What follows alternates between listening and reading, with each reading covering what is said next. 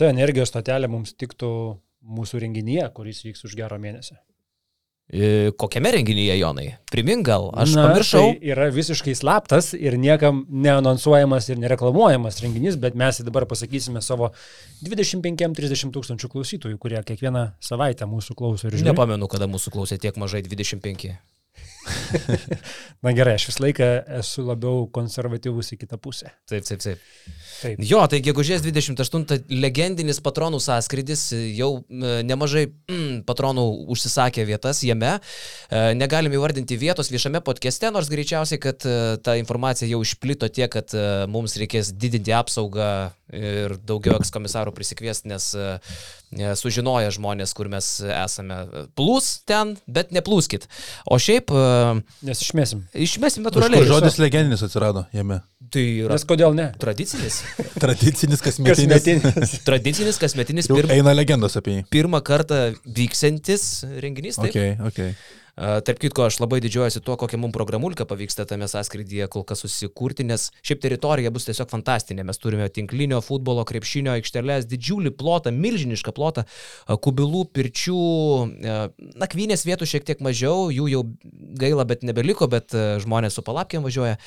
Bet darysim protmušį, darysim e, kokią nors grupelės pakoncertavimą, žiūrėsim UEFA čempionų lygos finalą, žiūrėsim LKL, mažai finalą finalą, kitą dieną aš komentuosiu LKL didįjį finalą. Kas Karoli gali žaisti UEFA čempionų lygos finale? Na, be jokios abejonės, Astana ir Gdynės Pečio Myžo, taip? Mažai šansų turbūt, kad šios dvi komandos. Nepataikiau kažkurioje vietoje, suklydau. Abiejose. Jo, tai va tame legendinėme patronų sąskrydyje, gegužės 28, kuriuos bilietus vis dar perka mūsų patronai, šitas daiktas turės atsirasti Ir tai yra mūsų partneris Dronai LT e, ir Dronai LT prekiauja šitą EcoFlow energijos stotelę. Daiktas, kurį aš pakeliu tik todėl, kad jau mėnesį lankausi sporto klube. Tu vėl, dabar, dabar tu esi kuklus, ne mėnesį, Karoli, jau, ir, jau beveik tris. Ir štai taip, net, o tokiam lygiai. Tai šitas daiktas, e, gal paimti, nes jau tikrai subėgo kraujas į smegenis. Šitas daiktas gali jums pagelbėti E, daugybė situacijų. Pavyzdžiui, galit naudoti jį kaip powerbanką ir krauti absoliučiai viską. Daugybė jungčių, telefonui, kompiuteriui ir įvairiems modeliams. Taip pat galit naudoti kaip e, elektros generatorių. Čia kitoje pusėje yra elementarus lizdas 220 e, kištukui, teliką pasijungti, feną įsijungti, šaldytuvą, šaldytuvą pasijungti, daugybė dalykų reikalauja elektros šitais laikais, tai čia yra taip vadinama EcoFlow mini energijos stotelė, bet dronai LT turi ir kur kas galingesnių, pavyzdžiui, ten tas Maxis Super Turbo Mega Sex Le Bomba Pro. Tai jis yra bent kelis kart galingesnis. Šiaip feną, aišku, mes feną įsivaizduojam kaip tą feną, kur plaukus džiovina, Bet jeigu, pavyzdžiui, pasiemi ventiliatorių, žinai, kur pučia, tai ir į gamtą nusiveži, nes žinai, kad karštas savaitgalis nusimato, kažkaip reikia atsi, atsigaivinti, nusiveži kartu su šituo ventiliatoriu ir šalia savo gamtoj pasistatai, kad tau vėjelis. Nu taip, arba pavyzdžiui, plauki baidarė ir sugalvoji, kad tau baidarėje kažkodėl labai reikėtų televizoriaus didžiulio. Bet tokio, tokio normalaus, žinai. Normalaus, plačia ekranio, 1,60. Tai vat įsidėjai į baidarę, aišku, plauki atatinkamai atsargiai, bet uh, apsikrovęs vat, energijos stotelėm, televizoriais gali praleisti nuostabų laiką gamtoje. Žinai, žinai, kaip, kaip plaukiant baidarėm, jau kai visiems užnisa plauk, tada susikabina, žinai, vien šalia kito, ten šešios baidarė, žinai. Ir, Standartinė situacija. Ir alų geri. Ir, jo, jo, jo, ir koks vienas ir kloja dar, žinai, o visi kiti jau ten Tai va čia. Kas? Telik... Mes kažkokiuose skirtingose baidarė žygiuose dalyvavom. Okay. Tai, tai va, tai čia irgi telika per vidurį, visos šešios baidarės žiūri čempionų lygos finalą. Taip. Tai dronai LT prekiauja tokia, sakyčiau, naujiena, nes mes įpratę, kad elektros generatorius turi būti pilnas dizelio, benzo dujų. Dūmai rūksta užkūrus. jo, jo, kad užkurt reikia tą dročinį, žinai. Čia yra... Užsidročinam. Taip, čia paprastesnis daiktas, viena knopkytė, bum, turi elektros energiją ir powerbank ir visą kitką. Varai sodą, uh, senelis prastą elektros instaliaciją kažkada suvaręs buvo, uh, nusivežė šitą kaip užtikrintą kažkokį variantą ir tu turėsi šildymą bent jau naktį tikrai, kaip sakyti, šeima bus gyva, kas šiais laikais irgi yra vertybė. Šildymą. Radiatorių. Taip, radiatorių, boilerį ir be jokios abejonės e, arbatinį. Teisingai. EcoFlow. Zaibys. Jo, rimti reikalai. Šiaip jo, čia tas toks. E, Mums jį reikės gražinti Jonai. Jo, jo. Proto ribose. Okay? Pas, pasirašiau dar popierius, kad čia tokį turtą priimu, jeigu kartais sugadinčiau, reiks iš savo kišenės padengti. Jo. Tai apsilankykite Dronai LT, jokio nuolaidos kodo nėra, bet jie dabar, kiek žinau, akciją ten turi. Dar šį mėnesį, kiek žinau, jo, jie turi. Jo, tai pamastykit, daiktas vertas e, dėmesio, aš tiesą sakant e, svarstau, nors kol kas vis dar neperku. Tikės gauti. Vėl nereikėjo šitą sakyti, ne? Bet tu taupai pinigus. Aš jam, taupau, tiesiog. Aš taupau, man reikia vasarą pavaryti ir aš tada jau. taip. Paskutinę vasarą, kada dirbsi. Tikrai. aš, kai, aš kai meluoju, aš kosiu. Iš tai išryšęs esu. Ja. Nu, Tai kaip jums savaitgalis, kaip žalgeriukas? Šalgeriukas tu vakar panevežį buvai. Taip? Taip, aš įsijungiau antro kėlinio vidurį ir nesuprantu, kas darosi. Tai Rezultatas į kitą pusę. Galėjai įsijungti, jau būtum nesupratęs, kas darosi. Bet po to taip matosi, kad tas energijos kažkoks trūkumas ir man sunku, tu sakai, gal jiems motivacijos trūksta, bet aš negalėčiau paaiškinti, kad to gali trūkti, kai e, paminėjai, kad rungtynės rodomas visų pirma visiems per televizorių. Kitas dalykas, tų teorinių šansų bet kokiu atveju yra ir, ir tas šansas, kuomet yra, kapinės iki galo, tu nuvyksti ir panevežį ir atrodai visas baltais veidais, didelio noro nerodai ir lietkabilis trečias rungtynės per šešias dienas žaidžiantis tave daužo. Nu, Kazis Maksvitis vakar sakė, kad gėda matyti taip žaidžiančią komandą. A, beje, Gediminas Orelikas po rungtynių jau net labai retai būna, kad varžovai kritikuotų varžovus. Nu, labai retai išgirsi. Gediminas Orelikas pasakė pats, aš jo paklausiau, kaip tu vertini žalgerio energiją, sako, aš nežinau, kas jiems čia atsitiko, bet iš tikrųjų sako, nu, atrodė Gedimino nuomonė žalgeris, neenergingas, nemotivuotas. Mm, labai keista. Jonas Mačiulis darė tokią išvadą, sako, gal čia Kazis Maksvitis kokio nors krūvio jiems dabar daugiau davęs, gal dėl to tas nuovargis, bet iš principo kaip tik Kazis atrodo, kad atleidinėja pavarą, duoda daug žaisti ten Websteriam, okei, okay, Websteris vakar nežaidė, bet šiaip trejas rungtynės iki tol. Websteris, Strelniekas, uh, Blaževičius gauna daug minučių. Taupytas buvo Lekavičius, iš tikrųjų mažiau pastaruoju metu žaisdavo. Tai kas vakar, vakar, kas vakar žalgiui atsitiko, aš neturiu jokio supratimo. Ir tas mačas tai priminė, kuomet Lietkabilis jau pajunta tą žaidimo ritmą, pirmajame kelnyje iškart smogė. Jie po to labai moka kontroliuoti rungtyniai, gal priminė šiek tiek mačą su Partizanu, kur irgi pirmajame kelnyje Lietkabilis pabėga, antrajame laiko re- rezultatą ir po pertraukos Žalgiris, atrodė jau Žalgiris, yra tas Žalgiris, kokį mes norėtume matyti, tas e, pajėgiausias Žalgiris, bet Minutė. Pir, pirmas, tre, trečia Nu, kelias minutės. Ir tada, max. ir tada savo metimus, kelias sunkius įmetė lietkabilis ir viskas, žalgeris nebesugebėjo atsigauti. Ja. Man į akis labiausiai krito tokie du skirtumai tarptų komandų. Gynyboj, kaip gerai Lietkabelis žinojo, ką darys Žalgeris, kur bus nusimetinėjami kamuoliai, keli buvo akivaizdus perimti kamuoliai, kur iš karto Lietkabelio žaidėjai žinojo, kur tas kamuolys vaikščios, nes jisai pagal idėją ir planą ten turi vaikščioti. Tai viena buvo ypatingai Žaplamareko klaida, kuris irgi turėjo tarsi nusimetinėti kampą, kažkuris iš Lietkabelio žaidėjų ten tą perdavimo liniją iš, išgliaudė kaip, kaip penktokas namų darbus. A, O polime didžiuliai skirtumai pagal tai, kaip yra vienoje komandoje žaidėjų galinčių draskyti gynybą įsiveržimais, o kitoje pusėje nėra. Jeigu Lukas vakar toks buvo galbūt ir kažkiek, kaip sakai, patausojamas, gal ir pats nelabai plėčiasi, kai matė, kad ten nelabai kažkas bus, o kitoje pusėje tu matai ir Žemaitis, ir Davidas Gedraitis, ir Kalaidzakis žaidėjai, kurie gali viens ant vieno apeiti savo oponentą, prasiveršti po krepšiu ir paskui jau pasirinkimai įvairiausi. Ar numetė ant rajako, ar numetė po krepšiu. Kito aikštelės pusė tu nematai. Tu nematai, kad yra žaidėjas galintis padraskyti. Ir, ir kai LKL lygmenį tu matai tokius skirtumus tarp dviejų šitų komandų, kur Žalgiris yra kur kas prašiau atrodanti komanda LKL mastais, tai tas žiauriai stebina. Žalgeris kur kas prašiau atrodanti komanda. Negu Lietkabelis. Vakar. Vakar. Vakar, taip. taip. Na, tu apie Luką pradėjai kalbėti. Lukas nebuvo taip jau labai ir taupytas. 22 minutės, tai nėra taip jau labai mažai. Aišku, ne 30 yra ir tiek drožės nekartą šį sezoną.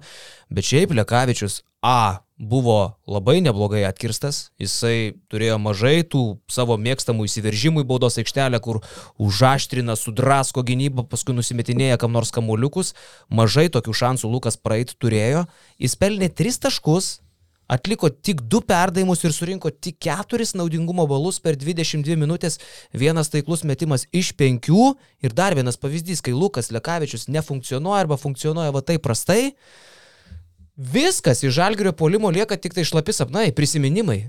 Viskas. Lukas Lekavičius yra viskas šį sezoną žalgeryje. Mantas Kalnėtis dar ne formai, vakar Kaziukas jį pabandė 9 minutės, Strelniekas formoje jau niekada ir nebebus, Tajaus Websterio nebuvo, Lukošiūnas dar ne tas, Milaknis, košmaras, minus 5 balai, ginčiai su teisėjais, burbėjimai, nepasitenkinimas per 22 minutės, minus 5 balai. Žalgeris nebeturi perimetro krepšininkų. Jeigu nėra Luko, šita komanda yra, kaip sakė Kazis Maksvitis, gėda. Jeigu nėra Luko, viskas. Viskas ant šito bičio pečių. Iš principo, dar vienas pavyzdys vakar buvo. Nu, čia jo, čia vienas tas mačas labai prastas jisai buvo ir kaip apie motivaciją kalbame, mes atvirkščiai galėtume sakyti, kad Lietkabeliui vakar galėjo nebūti visiškai jokios motivacijos žaisti, nes iš dalies jie saudaro meškos paslaugą. Jie nugalėdami žalgerį atima bent minimalę galimybę, kad nesusitiks su jais pusfinalėje, nes būtų vakar pralaimėję, dar tikėtųsi, kad Neptūnas nugalės rytą. Dabar kaip ir meškos paslauga, bet iš kitos pusės jie psichologiškai savo parodo, kad ža, prie žalgerį gali laimėti ir gali netgi dominuoti prieš tą galimą pusinolio seriją. Tai Lietkabeliui čia didelis pliusas užsidėtas prieš atkrintamasis, o žalgeris tikrai turi apie daug ką pagalvoti, nes ir tie ginčiai ant atsarginių žaidėjų salelėje ir aikštelėje vienas kitam priekaištauja, tai ta pati kūno kalba iš žalgerio pusės nebuvo pati geriausia. O tu tos ginčius matėjai šiaip, rodė Vis, kažką? vis parodydavo, numesdavo. Nes e, buvo labai įdomus epizodas, aš jį užkomentavau. To nerodė. Per taimautą, e, visą minutę per taimautą Džodžio su Strelniku, taip karštai ten kažką diskutuoja, atrodo, nu, aš negirdžiu, ką jie sako, bet aš matau, kad Strelnikas taip nepatenkintas, ką jam ten šneka, o Džodžio ten taip, taip, taip, taip, taip mm, a, kažką pasakoja, pasakoja ir toks karštis, atrodo, apie kažkokį tai tarpusavio nesusikalbėjimą, kad diskusija vyksta, viskas tvarkoj, bet e, e, kaip, kaip, kaip Žalgiris nežinojo, ką daryti visų rungtynių metu buvo unikalu. Aš aišku, gal ne visai sutikčiau, kad šitos rungtynės kažką apverčia aukštinkojam. Turiuomenį, ar tai, kad Lietkabilis čia dabar įgyja pasitikėjimo savimi, kažką labai keis. Nu, prasidės tas pusfinalis, Žalgiris, Lietkabilis, duos spragilų, sakykime, Žalgiris pirmą mačią Lietkabiliui ir, ir viskas, ir po, po viso pasitikėjimo, tai bus pamiršta, žinai. Bet šiandien dienai be abejo, kad panevežys pamatė, jog nu, Žalgiris, Žalgiris ne ką čia baisiau už Partizaną, kurį jau nugalėjo, Metropolitans, Džiaventutą, kurios nugalėjo, ar tą patį, nežinau, lokomotyvą, su kuriuo vaikščiojo ant pergalės ribos. Jo, žiūrėjau, tris kartus prieš tai buvai pralaimėjęs tam pačiam klubui, jeigu pralaimėtum ketvirtą, reitum pusfinalį, tai visai kitaip turbūt žiūrėtum, tu būtum jaustum, kad galbūt negali laimėti prieš šitą žalgerį. Dabar visai kas kita, 20 taškų dominuoja rungtynėse, tai sakau, reikės dar žalgerį pirmiausia duotų spragilų lietkabelių, kad atgauti tą pasitikėjimą. O šiaip keli tokie momentai, kur irgi apie tą žalgerio sutrikimą didžiulį rodo, kaip Lavernas sugebėjo vien, vienu metu nepastebėti, kad baigėsi atakos laikas. Atrodo, jau, nu, tu aikštelį būdamas profesionalas, jau tu tikrai savo galvoje vis laiką stebi, ar ten vieną akim ar ne kiek liko. Buvo viena kvailesnių matytų situacijų, jis tiesiog centravo, nematydamas, kad baigės laikas. Ir ką rodo dar tokie dalykai, kad komanda nelabai kalbasi, jau ne pirmą kartą šį sezoną ta pati replika apie žalgrį. Jeigu tu e, ramiai savo mūčinį kamuolį, kol baigėsi atakos laikas, reiškia, tau nepakankamai komandos draugai priminė apie tai irgi. Jis net taip, o, baigėsi. Absurdiškai atrodė tikrai tas epizodas. Ir kitas buvo, kuris apie pastangas daugiau kalbėjo, kai Maldūnas nuo to paties Loverno apsiginė, išmuždamas kamolį. Maldūnas nuskodė iš karto greitą ataką, kurią netrukus pabaigė dėjimu. Lovernas kažkur tai per penkis žingsnius atsilikęs buvo. Ant kiek irgi parodė skirtumus, kur gynyboje tas pats Maldūnas sugebėjo ir išmušti kamolį, ir nubėgti į greitą ataką, aplenkdamas visą Žalgirio komandą. Tai man, man šitas pavyzdys buvo irgi. Komanda, kuri turėjo polisio visas tas dienas, kai Lietkabelis žaidė trečiadienį Bolonijoje, penktadienį, penktadienį pralaimėjo pasvaliui po dviejų dienų iš Bolonijos, kur Bolonijoje belė kiek jėgų atiduota, belė kiek sezono vabank rungtynės. Kelionė ne iš lengvųjų. Irgi. Kelionė ne iš lengvųjų. Penktadienį bo, uh, pasvalys ir sekmadienį uh, mačas su stipriausia Lietuvos komanda, kurią tu pervažiuoji su volu, išdraskai iš esmės subinės. Va tokios rungtynės. Tai ir tokią savaitę. Tai Lietkabilis turėjo būti uh, pervargęs, turėjo turėjo ir drąsiai galėjo sakyti, net Čianakas ir pasakė, po rungtinių sako, čia gal LKL e, nesitikėjo, kad mes į top 16 išeisime Europos taurėje, kad mums tokį tvarkaraštį padarė. Nu, tarsi gėlė lygai, kokiam tvarkaraštį mes žaidžiam, bet pasižiūri į rezultatą, po dviejų kilnių 24 taškais laimė Lietkabelis, rungtynės laimėjo 17. Pirmoje pusėje, PM6 įsimetė. PM6 taškai praleisti per du kelius. PM6 3-2 po dviejų. Tai yra kosmosas. Ir tas pavargimas gal pas Lietkabelį ir buvo, Pavyzdžiui, Radyčiavičius 12 minučių 0 taškų, Gagičius nors ir įmetė tų taškų per savo laiką praleistą, nei vieno net kovojo kamulio, bet vis tiek to užteko, koks neįtikėtinas žaidėjas yra Panajotis Kalaidzakis ir kokios dar lubos net sunku prognozuoti. Vakar dar kartą eilinį kartą galėjai įsitikinti, žiūrėdamas jo pasitikėjimą veidų krepšį žaidžia, stebekas, 3 taškai, prasiveržimai, draskimas varžovų gynybos, nu, fantastika. Ne, čia dabar taip sukritusios kortos lietkabilių yra. Tu paminėjai Radyčiavičius, aš netgi dar pridėčiau, jis ne tik, kad prastai žaidžia, jis nežaidžia apskritai. Jis 12 minučių vakar praleido aikštelėje, atrodo, jis neatsigavęs net po traumos yra, jisai negyvas. Maloniai tą pačią koją užsigavo. Taip, jis negyvas yra. Jie neturi, Radičevičius, jie neturi savo vieno brangiausių krepšininkų, savo teoriškai prieš sezoną pagrindinio įžaidėjo. Ir žinai, kas juos gelbėjo? Tu mini Kalaidzakį, aš dar pridėčiau Kristupą Žemaitį. Niekas nesitikėjo, kad Kristupą Žemaitis tai perims vadelės e, ir sugebės tapti pagrindiniu įžaidėju. 12 taškų, 9 asistai vakar. E, visiškas užtikrintumas, pasiukai tokie čik, čik, čik, tokia jokios baimės, jokio komplekso, nieko nėra.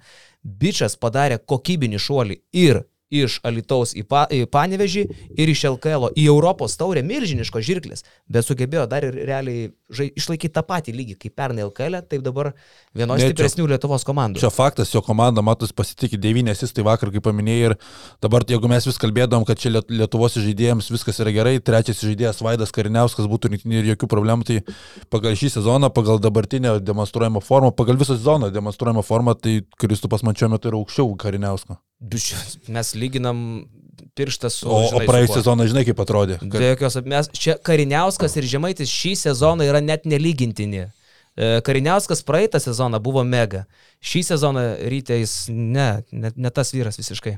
Man tai dar bežiūrint ir grumtinės vis tokia mintis kirbėjo, kiek daug lemia stabilumas klube, kur Lietkabilije tas pas treneris jau dirba keliarius metus. Uh, žaidėjų branduliukas irgi yra likęs tas pats ir mes matom brolius Kaldidzekius, Jorgos atvažiavęs irgi sėdėjo pirmoji eilėje palaikė savo, savo brolį pamajoti. Jo? Mamytė buvo dar, aha. Okay. Vaikai žaidžia. Mm, jo, tai ir, jo, ir šiaip labai puikiai man patiko, ir, kad kameros dažnai rasdavo Jorgo ir ten visas emocijas, viską parodydavo, nes toks šalia, dar žinai, šalia rungtinių veiksmo, dar šalia toks labai fainas storylinas, pasakysiu šitaip. Kaip komentavimas rungtinių. Tau? Komentavimas, kaip visą laiką, aukščiausiam lygmenį. Gerai, ne? Taip, taip, labai. Fainai. Ačiū labai. Tai va, tai apie Kalaizakius kalbant, žiūrint į tai, kaip jie panevižėje atsiskleidė, uh, Jorgos atvažiavo akivaizdu talentingesnis ir jau jo iš karto buvo tarsi piešiama, kad jo yra tikslas išeiti į, į NBA, būti pašauktam, tas įvyko. Uh, bet panajočio iškilimas man signalizuoja tą situaciją, kad atsidūrė du bičiai, talentingi bičiai, visų pirma reikia tai pabrėžti, talentingi bičiai, bet jie atsidūrė stabilioj situacijoje. Ir kiek stabili situacija stipriai dedasi prie jaunuolių tobulėjimo. Įmestumai tu juos pernai į žalgerį, net jeigu, tarkim, žalgeris nežaistų Euro lygų, žaistų žemesniam lygiui. Bet kai tu per dviejus metus apturi tokį aukštyn žemyn, šiemet vien trys treneriai, Prie trijų trenerių žaidėjai netobulėja, nes tie treneriai sprendžia kitas problemas. Jie, jie rūpinasi, kaip ištraukti tą skestantį laivą, kaip išgelbėti savo užpakalį, kaip gerai atrodyti, ne žaidėjus tobulinti kažkaip. Tai va čia toks buvo labai akivaizdus pavyzdys, kiek daug žaidėjo tobulėjimui lemia stabilumas klube. Ir Lietkabelis tą stabilumą turėjo paskutinius kelius. Bet apie panosą kalbinės, Jorgijos nežaidė Lietkabelį. Kedainiuose. Kedainiuose. Pernai, ai, okay, taip, sorry, jie abu žaidė Kedainiuose. Teisingai, teisingai. Tai e, taip, čia, čia šiaip duoklė Kedainių nevėžių ir e, vėl uh, uh, tiek daug uh, kalbam agentų komanda, agentų komanda, blogai, blogai, na, gal ir nelabai faina kitą kartą, bet tuo pat metu, jeigu ne Kedainių nevėžys, vėl nežino, kaip būtų dėliojęs jiem viskas. Gal kažkur kitur ir būtų pavarę, o gal ir ne. Tai šiuo atveju turbūt, kad broliai Kalaizakiai galėtų būti vadinama nevėžio produktu ir, ir, ir duoklė jiems už tai. Čia yra rimta. Vakar brolis Jorgos atsistojęs, ploja po kiekvieno broliuko epizodo, broliukas žaidžia sezono rungtynes arba vienas geresnių, 22 naudingumo balai, žalgiriuko krepšiai, svarbiausi metimai, juos realizuoja jis. Aš taip net kartais pagalvodavau, jie tokie panašus, žinai, gal čia Jorgijos bėgioja, panajoti čia ploja jam šalia, žinai, nes nieks turbūt labai net pažintų. Bet uh, unikalu, sako, kad kitą sezoną tikrai, kad nelieka Panoso, klausimas, kuris eis, ar į Panatinaikos, ar į Žalgirį. Žinai, kas, kas čia žino?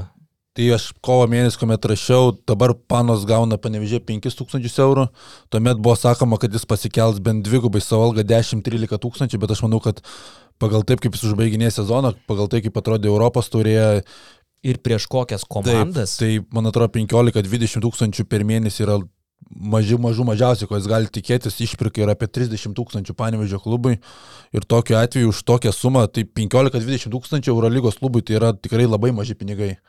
Ir tokiam žalgeriui investuoti į Kalaidzakį, aš manyčiau, kad čia būtų idealus variantas, aš net labai norėčiau jį matyti. Bet vakar mes vat, kaip tik su Petkum dar kalbėjom, grįždami iš Uteno, iš Uteno, sakau, iš Panevežio, ar, ar nereikia ar nėra neteisinga taip užsihypinti, kad čia, vat, jau žiūrėjo, koks žaidėjas žalgiriui reikia jį griebti. Nu, jis Europos tauriai žaidžia. Nestartinio daug... penketo žaidėjas, nestartinio penketo mes žiūrim į jį. Daug kas gerai žaidžia Europos tauriai, ne, bet paskui ateina Eurolygą ir to lygio nepatempia. Juk visi profai, tarp jų ir Jonas Mačiulis sako, nu kartais žurnalistai ar ten šiaip krepšinio aistruoliai nelabai gal įsigilina, koks didelis skirtumas tarp fiziškumo, tarp greičių, milžiniškas. Gerai, Europos tauriai Eurolyga. Čia, čia faktas yra, bet aš nekalbu į starto penketos žaidėją, tai yra bet kokia atveju atsarginis, atsarginio suma 15-20 tūkstančių, tai yra apie tai, ką mes kalbam, ką mes galbūt duotume Tomui Dimšai, kaip atsarginio atakuojančių gynėjų, ką uždirba Arturas Milaktis. Ir nepamirškit, kad Kalaidzakė 23 metai, tai ne vieno sezono turėtų dar būti projektas, tai turėtų būti 2 plus 1 mažiausiai. Bet tu sakai, graikas e, gali, aš vakar su Milašim dar tą patį kalbėjau, ar graikas rinktųsi mieliau Žalgirį negu Panatinaikos? E, čia turbūt loštų faktorius. Žalgeris galėtų, Milašiaus nuomonė, Žalgeris galėtų pinigais įveikti Panatinaikos. Nes Milašiaus nuomonė dabar Panatinaikos ir Žalgerio piniginės yra panašios, e, kiek gali išleisti žaidėjams. Biudžetai gal šiek tiek pao naudai, bet žaidėjams neva Žalgeris galimai galės skirti daugiau. Tai tu manai, kad uh, užtektų šiek tiek keliais tūkstančiais daugiau pasiūlyti ir jis rinktųsi Kauną? Nu, manau, treji metai Lietuvoje jis ir supranta, kas yra Žalgeris Lietuvoje supranta, koks tai yra klubas, kad visos Lietuvos klubas ir kokia tai būtų galimybė. Matant, koks bardakas yra Panatinaikos, manau, kad visi žaidėjai Graikijoje dar geriau tai supranta, negu, negu mes iš čia žiūrint iš šono viską matydami. Gal dar gali kažkiek ir agentų situaciją žaisti, nes uh, Kalidzakio agentas, nežinau ar buvo tas ar Rutkauskas, bet akivaizdu, kad yra ta pati agentūra, tie patys žmonės, Rutkauskas. Ja. Kaziukas yra irgi Rutkausko. Tai tada, žinai, tu, tu esi užtikrintas, kad jeigu treneriui reikia, tu žinai, kad tas treneris, jisai jau, jau tu turi su juo kontaktą ir su tuo žaidėju jisai dirbs. Atenuose ten vis dar bardakas. Žalgris šiemet buvo bardakas, bet dabar yra viltis bent jau, kad yra tvarkomasi ir to stabilumo bus kažkokio tai įnešama. Tai gal dar... dar reikėtų sumokėti lietkabeliui 35 tūkstančius išpirką. Nu toks jau čia būtų tikėjimas. Aišku, jeigu tu pasirašai ilgalaikę sutartį, tai yra viena, bet, bet aš, labai abejoju, aš labai abejoju pana, pa, šitą Kalaidzakio norų pasirašyti ilgalaikį, nes aš galvoju, kad jis vis tiek apie NBA pasvarsta. Aš tai galvoju dabar, vėl čia nu, nubrisiu į tokią nesąmoningą, kas būtų, jeigu būtų vietoj Janio Strėlniko, tu galėjai turėti tris žaidėjus realiai. Tokį, du kalaidza, abu kalaidzakį. Tokį kalaidzakį, dimšą ir dar kiek lieka, kokie 200 lieka vat, kokiam uh, asvelio, vienam iš asvelio, ne, variantų, ką jie pasiemė. O kobo? O kom? Tarsi, tu galėjai tris žaidėjus turėti vietoj, vietoj Janio Strelniko. Aš Starto tai penketo, aš, 8, 9 ir 12. Aš žaidėja. labai tikiuosi, kad Paulius Motiejūnas nebebus esminė grandis priminėjantį galutinius sprendimus, nes, e, nu, nu šiaip jau uh, turėtų būti bauda, bent jau vienam sezonui Motiejūnas turėtų pasitraukti nuo komplektacijos už šitus sprendimus pastaruoju metu. Na, aš tik tai taip galėčiau. Uh, jeigu jisai prisėmė atsakomybę, tai laita atsakomybė būna, kad ok, uh, samdau profus ir parodykit man, kad aš, kad aš kad aš negaliu geriau už jūs. Vat tada sakyčiau, kad čia kažkokią atsakomybę prisėmė ir parodė. Jeigu tu ir toliau priminėjai sprendimus, tai jokios atsakomybės Paulius nebus prisėmęs. Absoliučiai. Jo, sutinku visiškai, o šiaip jeigu pakalbant apie tą LKL, tai tikrai rytas vertas pagarbos, išsaugojo tą pirmąją poziciją ir jeigu prieš sezoną kas būtų pasakęs, kad rytas laimės reguliarų sezoną, turbūt dauguma būtų nusijuokę ir tikrai netikėję, bet atrodė sezono viduryje komanda jau klimsta, bet sugebėjo vis tiek iš to išlipti ir tu negali sakyti, kad jie to nenusipelnė. Galim prisiminti Žalgerio sezono pradžią, du pratesimai Alituje, dideli vargai prie Zdovco, žiemos laikotarpį prieš visus, visas komandas. Rytas dažniausiai savo varžovus įveikdavo užtikrintai ir tikrai didelė pagarba Gedrių Žibėnų ir visam rytui. Nes, ta prasme, Ivanas buvo nežaidė, bet tai net nepasijuto, kad ilgą laiką nerungtiniavo jų pagrindinis žaidėjas. Jo, jo, jo. Ir keturios komandos, tai jau ramės duos savo vietų, ar ne? Pirma, antra, trečia ir aštunta. E, taip. Ir, sakykime, situacija dabar yra tokia, kad, e, kaip tu ir minėjai, pirmas trejetukas nebekelia jokių klausimų, Žalgeris antras, Rytas pirmas, e, Lietkabelis trečias, Sibet, tiesą sakant, nekontroliuoja situacijos. Tai mane labai nustebino vakar pasiskaičiavau. Utenos Uniclub Kazino Juventus, nors ir dabar turi e, pergalę mažiau, bet e, Sibet trečiadienį žaidžia su Labas Gas. Tai bus jų e, paskut, paskutinės rungtynės. Ir net ir pergalės atveju Sibetas praras ketvirtą vietą, jei Utena šiandien, tai yra pirmadienį, nugali nevėžį, o ketvirtadienį žalgerį ir Juve turi pranašumą prieš Sibetą šį sezoną, tokiu atveju Juve lieka ketvirtoje vietoje, jeigu laimė abu savo mačius, net ir Sibetui e, e, laimėjus paskutinėse savo rungtynės. Tai čia yra įdomu. Šiauliai, beje, irgi dar teoriškai gali pakovoti dėl ketvirtos vietos, aišku, labai jau sudėtinga. Šiauliai šiandien, tai yra pirmadienį, žaidžia su Dzukija, ketvirtadienį išvykoje su Pasvaliu, lengva nebus, abu mačai sunkus, Šiauliai vis dar be savo vieno lyderių Elmoro, gal jis jau ir grįžinės, bet tikrai prastai dar jaučiasi. Tai net ir e, laimėję abiejas rungtynes, dar teoriškai gali užimti ir ketvirtą vietą, bet realiau yra pakovoti dėl penktos. Ir kas yra labai svarbu, jeigu Šiauliai laimės abi rungtynes, e, tai Juviai bus e, būtina nugalėti žalgerį, e, kitu atveju e, Juve lieka šeštoje vietoje.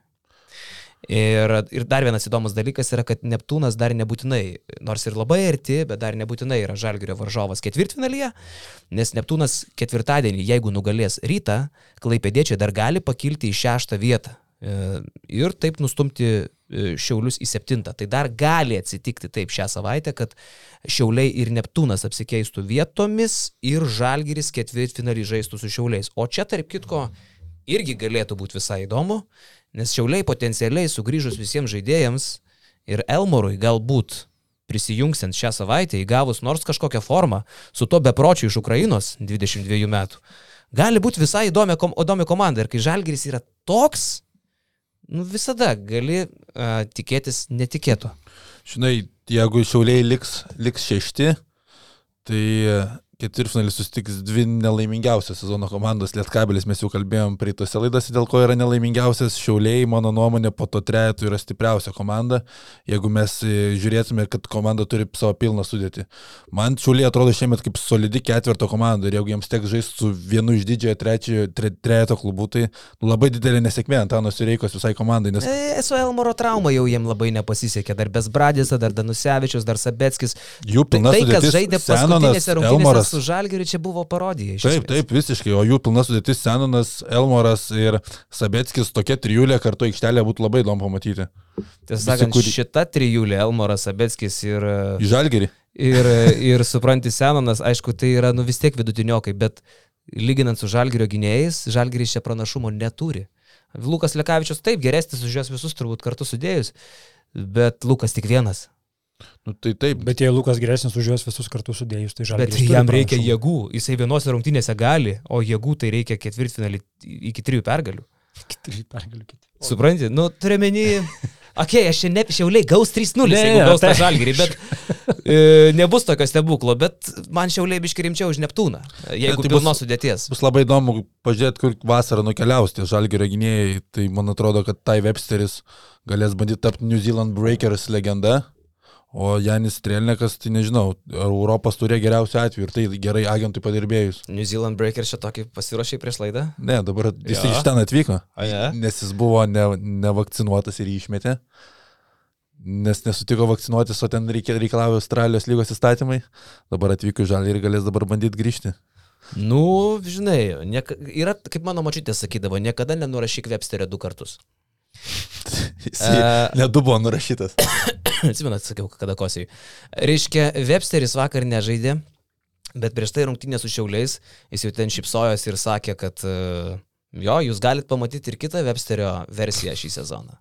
Ko, ko jokiesi? Instagrame? Nu, kad ir Instagrame. Galim.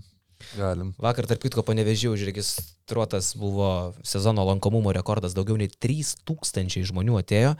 Turbūt kelias buvo priežastis, kad jis Maksvitis grįžta į klubą, kurį išvedė kažkada į LKL finalą, į areną. E, Čianako 46 gimtadienis vakar buvo. Irgi. Ir aš taip pažiūrėjau. E, e, Nenadas Čianakas yra 46, tai už jį vyresni yra keturi treneriai Lietuvoje. Ir mane pribloškė du. Aš tikrai negalvojau, kad Adomaičiui net kem 8, Nebespėliosim. Gerai. o cvirkai tik pem 5. Kodėl tik? Kažkaip aš maniau, kad jam viršiam, man tai atrodė. Ne, nebūčiau Ne? galvojęs. Tai Cvirka, Domaitis, Šeškus ir Šeškui, šeškui pem 5 irgi Sireikai šiam 5, tai jauniausias treneris yra Nedas Pacevičius, jam 27. Tai sudėjus Pacevičiaus ir Petrausko Gedimino amžių, negaunam Sireikos dar. Įsivaizduoji? Tada Petrausko 3,7, Žibėnui 3,8, Šerniui 3,8, Gaidamavičiui 3,9, Kazijui kem 4 jau, kaip metai bėga. Tik tak, tik tak. Kalbant apie metų bėgimą, iš tikrųjų šiandien labai skaudi žinia. Priblaškė Jo, jo. netikėtai. a, Puikus žmogus, Aurimas Bartuška, iš tikrųjų kiek tekė susidurti su juo, didžiulės širdies žmogus, a, labai prisidėjęs prie viso legendinio prienų žygio su Šeškum, a, tais 13-14 metais, kai du kartus ir LKF taurė laimėjo. Be galo paprastas, be galo šiltas, be galo krepšinį mylėjęs žmogus ir šiaip žiauriai priblaškė tą naujieną. Jo. Jo, e, gal jaunesni žiūrovai ar mažiau LKL besidomintys Aurimo Bartuškos nebūtinai žino, čia toks kartais e, krepšinio mylėtojų ir dirbančių krepšinėje insaidinis žmogus buvo Aurimas Bartuška, nors tikri fanai tai tikrai, kad jį matė ne vieną kartą.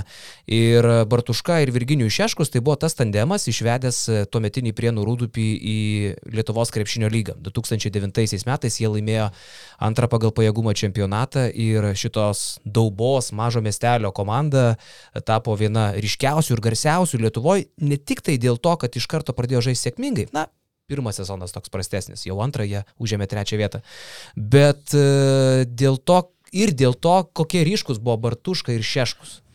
E, daug kas kikendavo ir krizendavo, tarp jų ir mes iš tų pačių bačkučių prie nuvypę, iš, e, iš, tų, iš tų, supranti, medienos, kurią kartais atsiskaitydavo šitą komandą žaidėjim, bet mažai kas žino, kad Aurimas Bartuška, amžinatilis, jis buvo e, urėdas, e, jis, jis buvo miškininkas, jis buvo miško žmogus ir štai iš kur atsirasdavo. Ir ta bačkutė legendinė, ir, ir, ta, ir ta visa mediena, ir sakyčiau, kad net visa aura, nes vienas virgis, kad ir koks jisai fainas bebūtų, bet, na, jisai vienas virgis, o ten buvo duetas, kuris buvo smagus ir jų balsai aidėdavo prienų vipę absoliučiai vienodai. Uh, Man tai Šeškus įstrigęs tas, ne, tai čia Aurimas. Aurimas. Aurimas. Aurimas. Ir tiesą sakant, e, mes šiandien su Čiaponiu kalbėjom, Aurimas Bartuška atrodė nemirtingas. E, Tikrai nemirtingas žmogus. Jis, ta prasme, jis visą laiką ant bangos, toks greitas, gyvas, e, ar padaręs, ar iš vakaro, ar, ar dar rytoj padarys, bet jis visą laiką veiksme. Ir, e, ir čia pasako, blemba, tai jeigu Bartuška sugebėjo numirti, tai žinok, sako seniai, mes visi mirsim.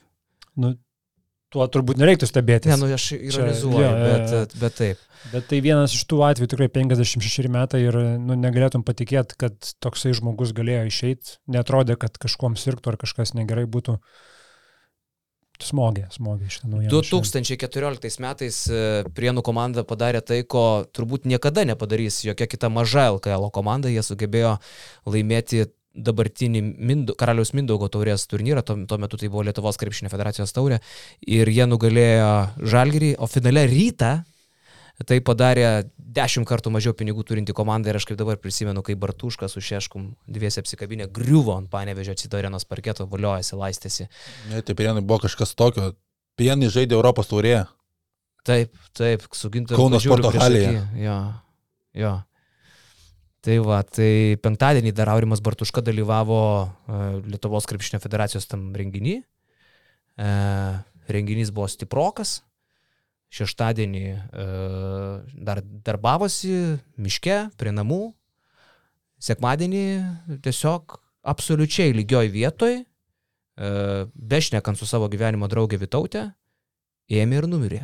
Tiesiog jokių didelių sveikatos problemų atrodo žmogus neturėjo. Tai ilsėkis ramybėje aurimai ir uh, te būna lengva tau žemelė. Iš tikrųjų, prieš, prieš pat podcastą sužinojau, tai atrodo tarsi žinai, kad taip yra, bet suvokti labai labai sudėtinga. Tai krepšinio pasaulis neteko labai ryškaus, labai šviesaus žmogaus uh, prienams, prienų krepšiniui, beje ir ryto komandai jis trumpai yra dirbęs, bet be Bartuškos uh, esu įsitikinęs, kad nebūtų tokio prienų klubo Lietuvoje, nes Šeškus nebuvo Šeškus, tai buvo Aurimas ir Šeškus prienuose. Va, tai Tai tiek. žinai, kaip perfrazuojant tą posakį, už kiekvieno sėkmingo vyro slepiasi stipri moteris, tai Taip, už sėkmingo šeškaus slepiasi stiprus aurimas ir Aurimas. aurimas. Ja, ir netektis, krepšinių tikrai prienams irgi užuojauta artimiesiems ir šeimai dėja. Tarp kitko, e, Čiaponio šokis su Šeškumi, tas legendinis, tai buvo būtent Aurimo gimtadienį. Tai buvo Aurimo ir Vitautės bendras gimtadienis, jie gimė tą pačią dieną, O. kovo 23. E, tai va, tai e, ir dar buvo dar vienas vakarėlis prieš tai šiandien dar su Homičiam trumpai kalbėjom irgi prisiminėm. E, aš vedžiau Aurimo 50, man atrodo.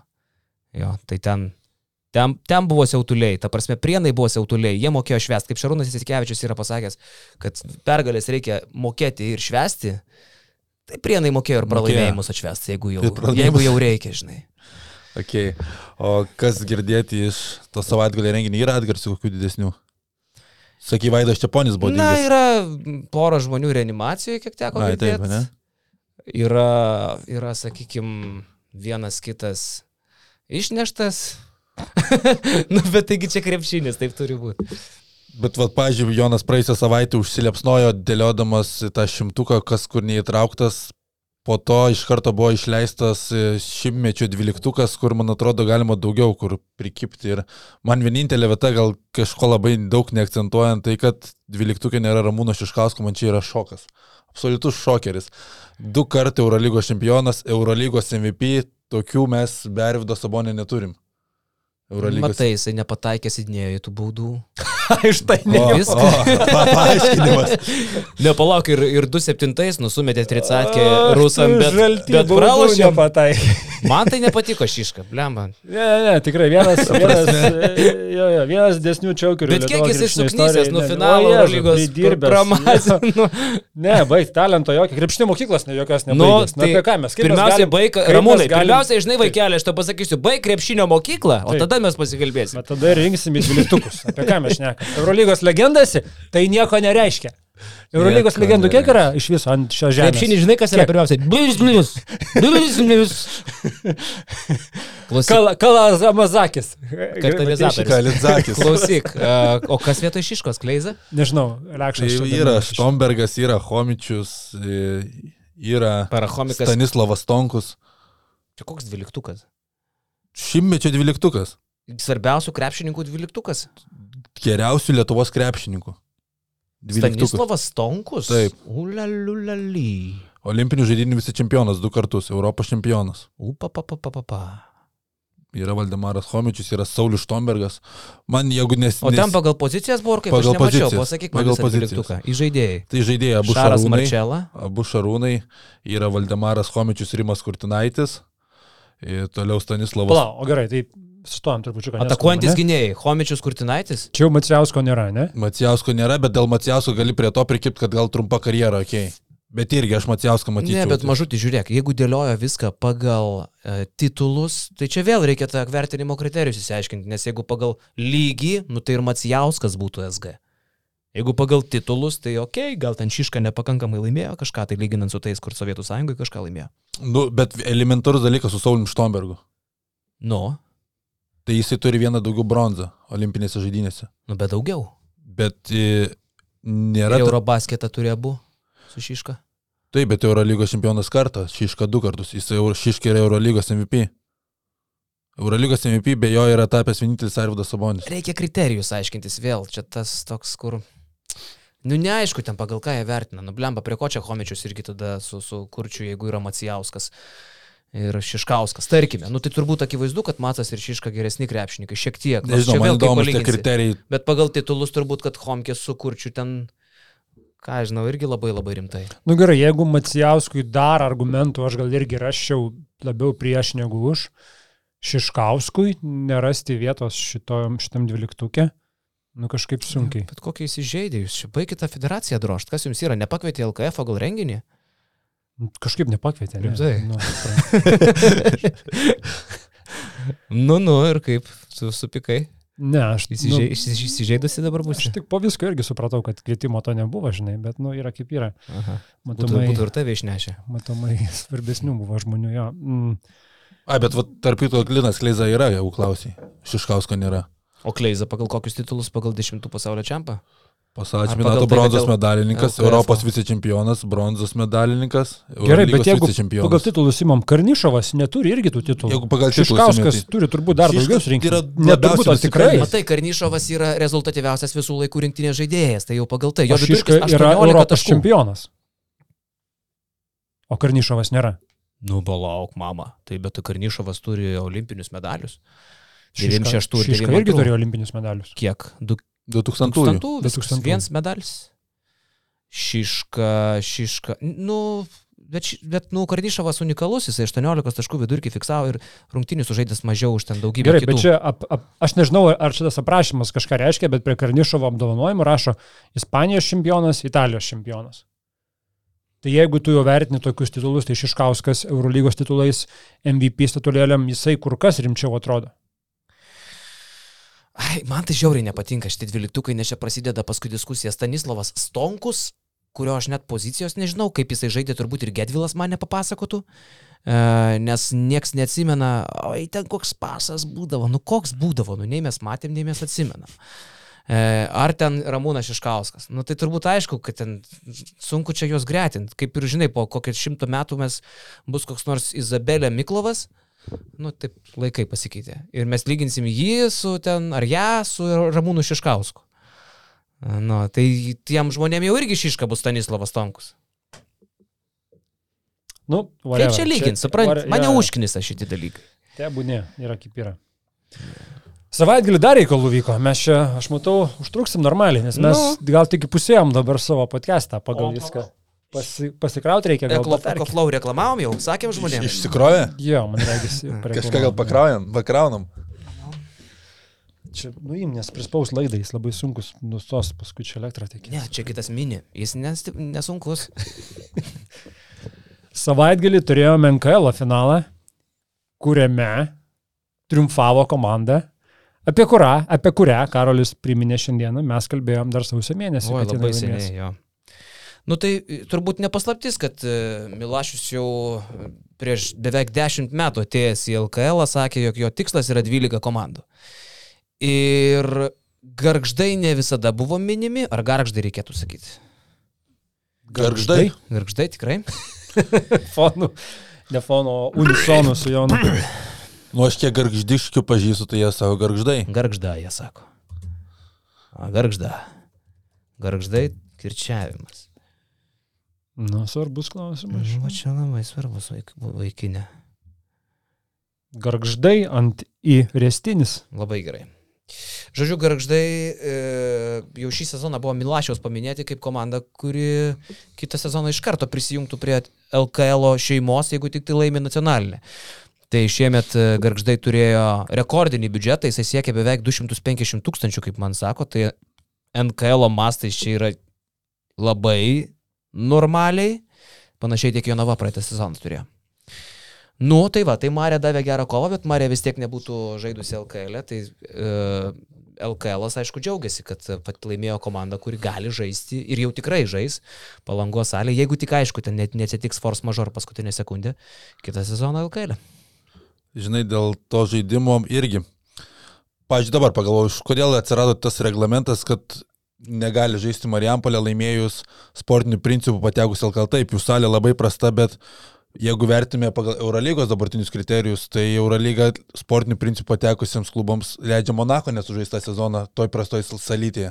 Tai jeigu yra sportinis principas, tai mes jo ir laikomės, tu patenki sezoną, lieki paskutinis, krenti atgal. Dabar to Aš tau atsakau, uh, salė Marės yra tokia prasta, kad televizijos transliacijos iš ten normalios negali padaryti pagal tai, kokie dabar aš ne vis tiek yra standartai sukurti.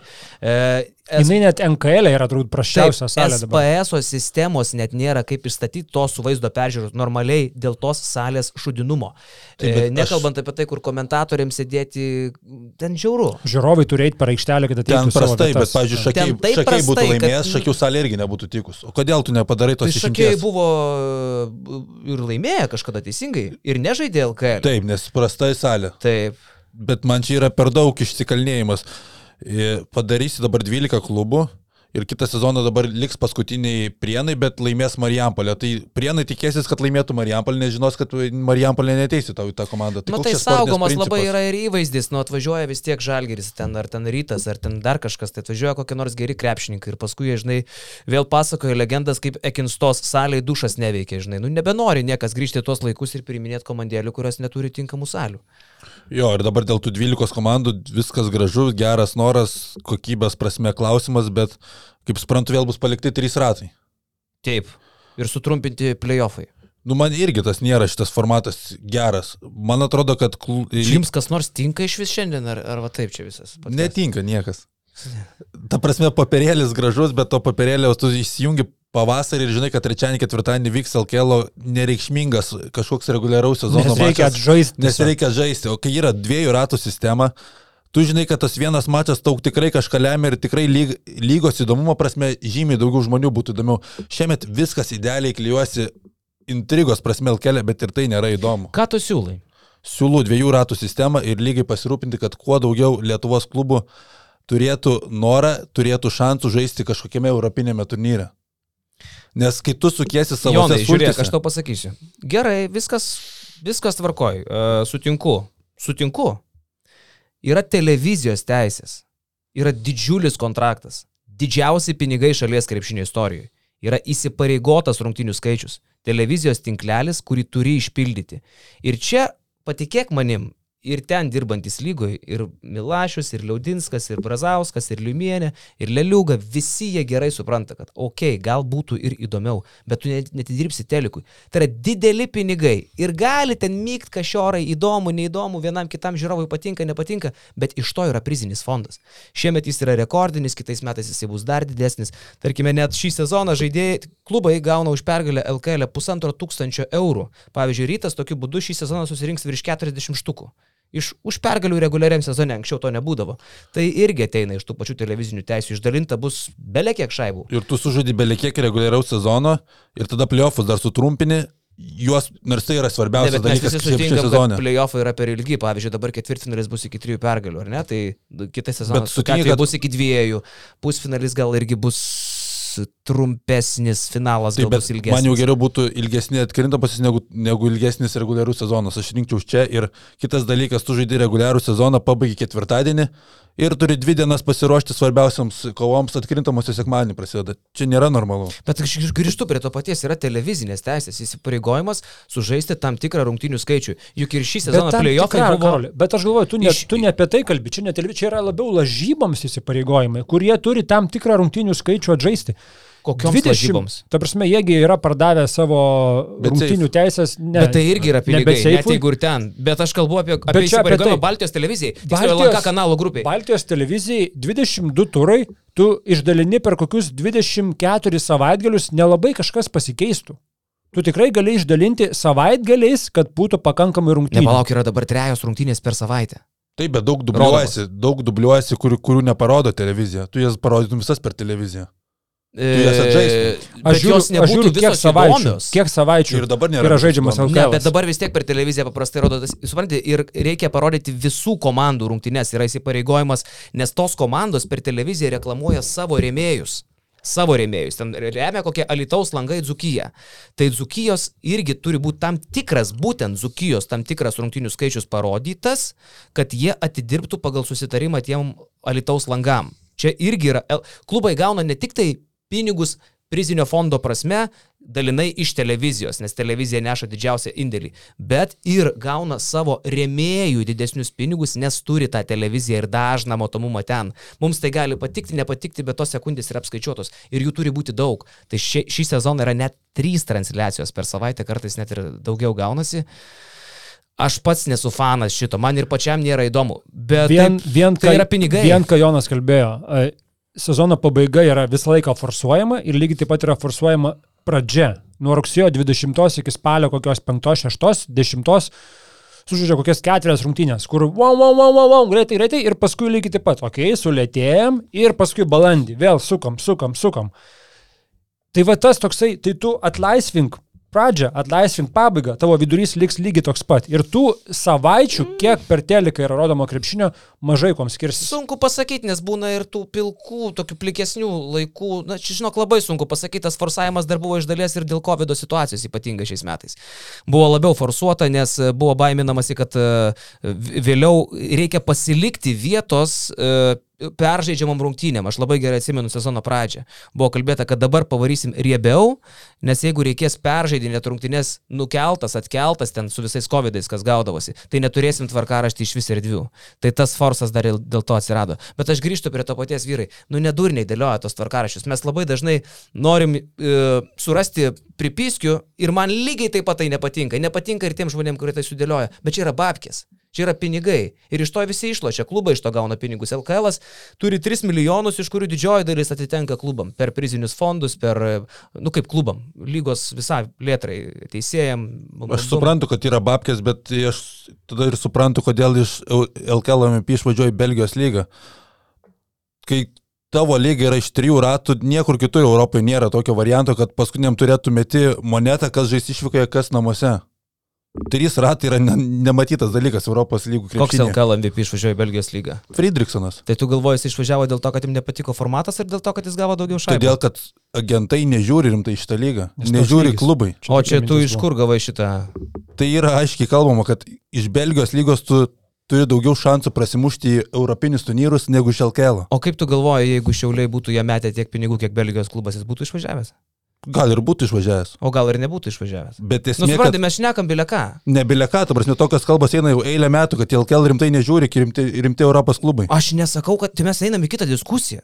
Aš nesakau, kad čia yra e, gerai e, lyga, gero lygio, blogo lygio. Aš ką tik paaiškinau, kodėl yra trys ratai. Tai aš suprantu, kodėl, bet O aš kodėl sakau, mes einam mes, tada jau visai kitą jeigu temą? mes norim turėti prestižinę lygą, tai trys ratai nėra geras variantas, kad ir kaip jūs Ir, tad, ir tada, nes tu tokia eilė metų, tai anksčiau nebuvo trijų ratų, buvo ir du, ir keturi. Buvo keturi ratai. eilę metų. Tai jau tada buvo prestižinė lyga. Keturi irgi nėra geras Nu, variantas. mes beleka šnekam. Tai bus dabar keturi ratai ir jau bus presti... du ratai ir bus prestižas. Jau tada jau agentai sakys, kad Manau, zaibys. kad rimčiau būtų tikrai. Jo, jo, jo.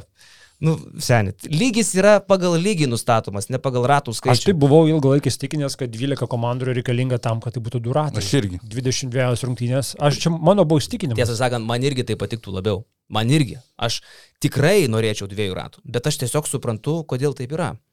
Ir viskas. Patikėkit manim, visi norėtų, kad būtų įdomiau. Bet yra kaip yra. Kur žais prienai? Tarptautiniam turnyrė nežais. Jiem du ratai yra nafik. Bet jiem reikia savo remėjukus ten parodyti dar kažką. Pasvalys nežais tarptautiniam turnyrė. Nevežės nežais tarptautiniam turnyrė. Alitaus neliks vapšė, e, supranti. Šiauliai žais kur ten, e, Šiaurės Amerikos krepšinio lygoje. Mes gilinamės į patinės Nu, komandas. nu, bet tai ką padarysi, tokia ta mūsų šalelė Lietuva yra, tas LKL niekada nebus tarptautinis, tarptautinio masto wow e, lygio prasme. Nu, nebent įvyks stebuklas kažkoks. Gerai, atiduokim pagarbą garždams šiaip jau. Surinko veteranų komandą. Klaipėdos krašto veteranų komandą. Uh, Simo Galdiką visi puikiai žinom. Ne visi žinom, kad Simas Galdikas nuo sausio 15 iki kovo pabaigos Nebegeria. nežaidė krepšinio. A, okay. Jis tiesiog, jis buvo nusprendęs, kad jisai baigė karjerą dar kartą. Jisai vieną kartą nusprendė praeitų metų vasarą, kad viskas, aš su krepšiniu baigiau, ačiū, išeinu. Bet, vad Hebra, kuri rinko graždų komandą, tuo pačiu ir žaidėjai, Runkauskas, e, Stašys tas pats, Ruikis, įkalbėjo Galdiką, kad ateik, ateik, pažaisk, dar pajudėsim. Gerai. Galdikas iki naujų metų pajudėjo, po naujų metų sako vyrai, nespėjau, aš turiu kitų veiklų, reikia man ten padirbėti, bizniuką turiu, nespėjau, išinu, sorry. Taip, taip. Jis baigė karjerą dar kartą. Besibaiginėjant reguliariajam sezonui, atėjo vėl tie vyriukai, tie vyresni, sako, Simai, ateik, nu, turim šansų imti NKL, nu, pajudam dar. Grįžta Simas į playoffus, seriją su žalgrio dubleriais, lik niekur nieko, išėjęs, paauklėje dubleriukus, uh, išeina į finalo ketvirtą, finalo ketvirtą nukala tilšius, kurie reguliariajam buvo aukščiau, antroje vietoje. Graždai buvo trečioji, finale vėl jis ten kaip Halkas praktiškai tas Maikė savo plėšo, emocijos nuostabios, atveda komandą į finalą. Ne jisai pats vienas, bet jisai yra vienas iš tų keturių veteranų, šalia Rūkio, šalia e, Runkausko ir šalia Stašio, NKL legendos. E, šita ketveriukė, mačiusi šilto ir šalto, atveda tokią komandą į viršūnę. Tai labai graži šiaip istorija ir tai dar gražesnė tom, kad tai yra būtent to krašto. Klaipėdos krašto komanda. Šiaip tai rungtynėlės buvo kosminės, aš gailą mačiau tik tai ketvirtą kelnį, bet pagal tai, kas ten vyko, tai man tai buvo kosmosas. Uh, ir, nu, finalas, kuriame viskas vyksta iki paskutinės sekundės, realiai, yra geriausia, kas gali atsitikti lygai. E, Kiltinavičius kelintai jau 13 kartą būtų laimėjęs nacionalinę lygą su Marė. Supranti, fantastika, e, su Duvos gaila šiek tiek. Tarp kitko, Beniušis mano kaimynas, žinok. Mes bajorose, aš paskui prisiminiau, žiūriu tą finalą, blecha kaimynas mano lošia. No. Nu, e, jisai per tris namus ten gyvena, ringauduose. Nu, Nu, Šiek tiek tai... gaila. Ai, tarp kitko, dar norėjau dėl e, Belgijos lygos paklausti, o tai jau čia agentai labai vertina Belgijos lygą, jau čia wow, yra Nu, kalba, kad labiau už Elkelą. labiau, ne, ai, nes ten tikrai Ant Antwerpeno Giants yra įdės, ten tempia Europos krepšinį į viršų. Jo. Nu, seniai, nu, beleka, aš nekam, tu prasme, Belgijos lyga jau čia yra wow, tipo Ne, agentam. ne aš sugalvojau. Nu, tai tie, kurie taip sugalvoja, tegul pasilygina lygas, ta prasme, Belgijos lyga ir LKL. -ą. Mes šnekam jau dabar tikrai pievas tada. Tai va, bet dabar jau Simas Galdikas tikrai, tikrai baigė karjerą. Jau sakė viskas, aš jau čia prisižaidžiau, dabar jau aš būsiu tas dėdė, kuris ateis į salę kaip žiūrovas ir aiškins visiems, kaip turi kiti žaisti. Tu, nu, jau ten bėgi, tu ten nedarai kažką. Sakė, aš dabar jau tas būsiu, jau dabar tas ekspertas, kuris iš tribūnų aiškins. Bet šiaip panašu, kad, nepanašu, 99,9, kad garždai bus LKL. -e. Uh, Milašius to norėjo, LKL to reikėjo. Žiūrint visą geografiją, LKL uh, Klaipė dar silkė. Klaipėda yra silkė pagal Milašių. Klaipė dar silkė. Bet šiandien su Tomu Vanagu apie tai kalbėjom ir Tomas uh, tokią gerą mintį pametėjo. Arčiausiai Klaipėdos esanti kita LKL komanda yra Šiauliuose už 180 km. Vadinasi, tu brėži 108 km uh, apskritimą aplink Klaipėdą ir yra tik viena komanda - Šiauliai. Dabar bus antra, nes tokiam didžiuliam regionui turėti tik vieną komandą visgi yra per mažai. Mes matom, kiek, pavyzdžiui, aplink Kauną, ne, komandų yra ir Kedainiai, ir Prienai, ir Lytus, ir Jonava, kiek čia aplinkui šalia išsibarstė ir kokie tuštuma yra Žemaitijoje. Ir priešingai NKL, kiek yra Žemaitijos komandų. Tai NKL skaičiuojant ir mažiekius prie žemaičių, nežinau, ar mažiekius galima priskirti prie žemaitijos, bet tarkim, jeigu priskiriam. Mažeikiai yra žemaityje, jeigu neklystu, nes tarkim, garždai nėra žemaityje, kaip ir Klaipėda, tai yra mažoji Nu, Lietuva ir tau ir klaipėdėtis tūlas dėtų per straublį. Kaip ir šilutė. Bet plungiai ir mažiekiai Bet, yra tarkim, žemaityje. jo, Pamario kraštas ir Žemaityje, ne? Tai skaičiuojant šituos du regionus, NKL yra pusė visų komandų, 7 iš 14 yra būtent iš to krašto. Taip. Ir, ir trūksta, tikrai, ar trūko tam kraštui Milašius, čia yra šiuo atveju vizionierius, matydamas, kad tam, tam krašte tikrai reikėjo antros komandos, garždai kol kas neturi salės, rytoj turi paaiškėti, kurioje vietoje jie salę statysis, nes jie turi išsirinkę dvi vietas. Garžda? Jo, Tai jie palangoje žais. projektas rinkė, sakė dar nebūtinai palangoje, galima ir kretinga, kuri irgi pasistatė ką tik visiškai naują švižutėlę gražią salę, gali ir tenai žaisti. Gal ir gali, bet, nu, Milašiaus tikinimų palangoje žais, tai nežinau. Nu, kitų žmonių įstikinimų dar nėra taip nukirsta Okay, okay. visiškai. okay. Okay. Ir naudinga yra komandai turėti, žinai, dėrybinę poziciją, ne tik tai su palanga kalbėtis, o su Aišku. iš, išsirinkti savo geresnę vietą. Aišku. Tai, tai įmanomas variantas ir toksai. Bet šiaip, e, jo, Klaipėdos kraštas turės dar vieną komandą, kur iš to krašto kilę labai nemažai žaidėjų. Tie patys veteranai, kai kurie galbūt netempintis Neptūno lygio, dabar turės pasirinkimą, kur galbūt palaksyti savo paskutinius karjeros metus čia, arba tie patys jauni žaidėjai, kurie galbūt negauna šanso Neptūne, dabar turės šitoj komandai. Žinai, tame finale pasirodė dar viena Lietuvos krepšinio lygų problema šį sezoną ir tai yra SPS sistema. Vis dėlto ji yra per silpna ir nebereikalo pavilonis su uh, Pilipausku, Milašium ir kompanija dabar vežasi naują SPS, kur kas geresnį, nes tokie epizodai kaip kad uh, uh, Nepamenu dabar, kas metė tą tritaškį ketvirto kėlinio pabaigoje, kuomet buvo skirti du baudų metimai. Šimonis gal ne? Nors daug panašiau, žiūrint televizinę transliaciją televizinė transliacija buvo į tris baudų metimus. Tai mintis paprasta, Jurgis Laurinavičius žiūrėjo tą epizodą per SPS sistemą. Nesimato ten normaliai, užstoja, kameros netinkamos, neryškios, dar atsiranda to šešėlio žaismo dalykas, kuris beje ištiko ir panevežį, kai Laisneris trajeką metė ir irgi po šiai dienai vieni fanai mato užmintą liniją, kiti fanai sako šešėlių žaismas ir visi teisūs, nes nėra garantuoto atsakymo, minė ir neminė Laisneris. Tai SPS sistema prastos kameros, mažai jų išdėliota ir išsiliejantis vaizdas. Vat pavyzdžiui, man šiek tiek pagadino ir tą finalą, nes aš žiūrėjau televizinę ir tiek aš, tiek dar keli Lietuvos teisėjai sako tą patį, kad panašiau ten yra į tris baudų metimus, visa laimė, kad Mariai tai nieko nebelėmė, nes jie ne dėl tų dviejų ar trijų baudų pralaimėjo, tiesiog silpniau jau patį galą sulošė. Bet įsivaizduokim, kaip būtų buvę apmaudo, iki to nedaug trūko, jeigu tas sprendimas būtų buvęs labai svarbus. Aišku, ten dar galim kelt klausimą, ar pažanga buvo ar nebuvo, nes ten irgi toks įdomus momentas. Bet okei, okay, pažanga sušvilpta, o baudų metimų kiekis, man atrodo, buvo per mažas, kaip ir keliam teisėjim, kurie tą patį matė. Labai įdomu, kokį garždai gali biudžetą surinkti. Minimas 600 tūkstančių yra, dabar buvo 250 tūkstančių. Ko gero, čia ir bus pagrindinis klausimas, ar jie žais LKL. E. Ar pavyks surinkti e, tiek pinigų. Šiaip sako, kad ten yra e, kaip klaipėda rasilki, supranti. Ten yra daug įmonių ir ten turėtų būti pinigų. Šiaip tų žaidėjų aplink Laipada yra tikrai gera mokykla. Pavyzdžiui, Neptūnai, man atrodo, garždų šeimas irgi gali, gali pasitarnauti labai naudą, nes jeigu būdavo tų žaidėjų, kurie yra šalia Neptūnos lenkščio, bet netraukiantis lygio, o dubleriams jau gal ir per seniai ir išaugę tas marškinėlius, tai tame pačiame regione turėti kitą komandą irgi yra didelis pliusas.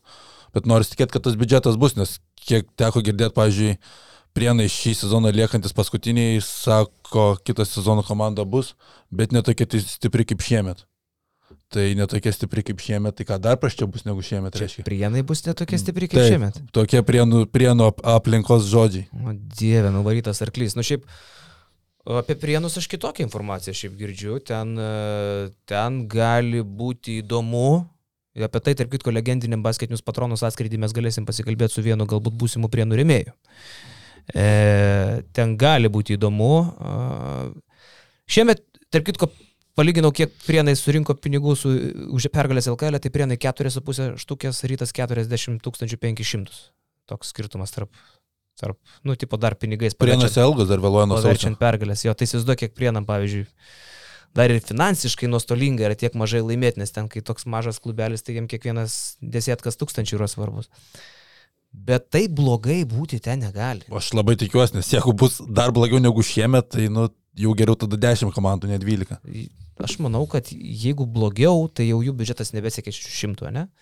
Nes jų tikrai ir neviršė ir dabar. Tai, tai jų... dabartinis buvo 400 reikalavimas, jie tą minimumą gal ir seniau 400. Net mes varianto, Milaš, Milašius neturi labai didelės akės ant prienų, jau jisai šį sezoną pakalbėjo ir pas mus laidoje.